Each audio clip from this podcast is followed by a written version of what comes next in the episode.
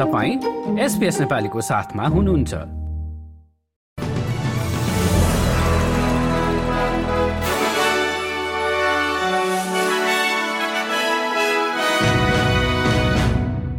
नमस्कार आज मंगलबार सत्ताइस फेब्रुअरी सन् दुई हजार चौबिस।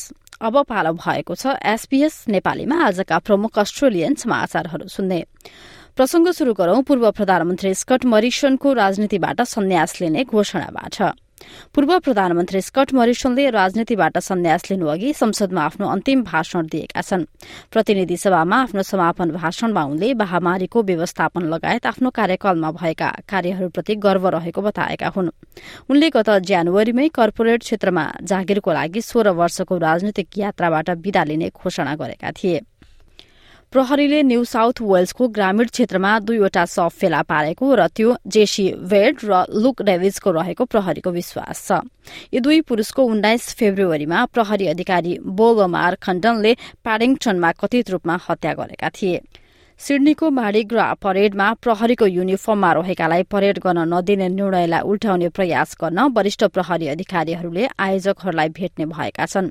न्यू साउथ वेल्सकी प्रहरी कमिश्नर क्यारन बेबले मार्डिग्रा बोर्डको निर्णयले आफू अचम्ममा परेको बताएकी छन्। अब भिक्टोरियातर्फ लागौं। भिक्टोरियाका अग्नि नियन्त्रकहरूले बुधबारको लागि पूर्वानुमान गरिएको डढेलोका लागि आज तयारी गरेका छन्। राज्यको पश्चिममा लागेका दुईवटा डढेलोबाट करिब तीस हजार मानिसहरू प्रभावित भएका छनृ। विश्वविद्यालयहरूमा विद्यार्थीहरूको सुरक्षाको अनुगमन गर्न हालै घोषणा गरिएको एक समूह आउँदो वर्षदेखि कार्यान्वयन हुने यस सम्बन्धी कानूनले सुनिश्चित गर्ने भएको छ।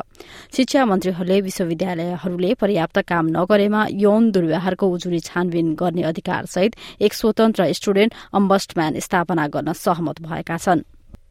अब खेलकुदमा फुटबल मटिल्डासकै कार्यवाहक कप्तान स्टेफ क्याटलीले पेरिस ओलम्पिकका लागि स्थान सुनिश्चित गर्न टोलीले भोलि खेल्ने मेलबर्न स्टेडियमको पिचको बारेमा कुनै गुनासो नभएको बताएकी छन्। शनिबार तास्केन्टमा उज्बेकिस्तान विरूद्ध मटिल्डासले तीन शून्यले जित्दै मेलबर्नमा उज्बेकिस्तान विरूद्ध खेल्दा टोलीलाई कमाण्डिङ पोजिसनमा राखेको छ। हवस् त एसपीएस नेपालीबाट आजको प्रमुख समाचार यति नै। सुरक्षित रहनुहोस्। नमस्ते।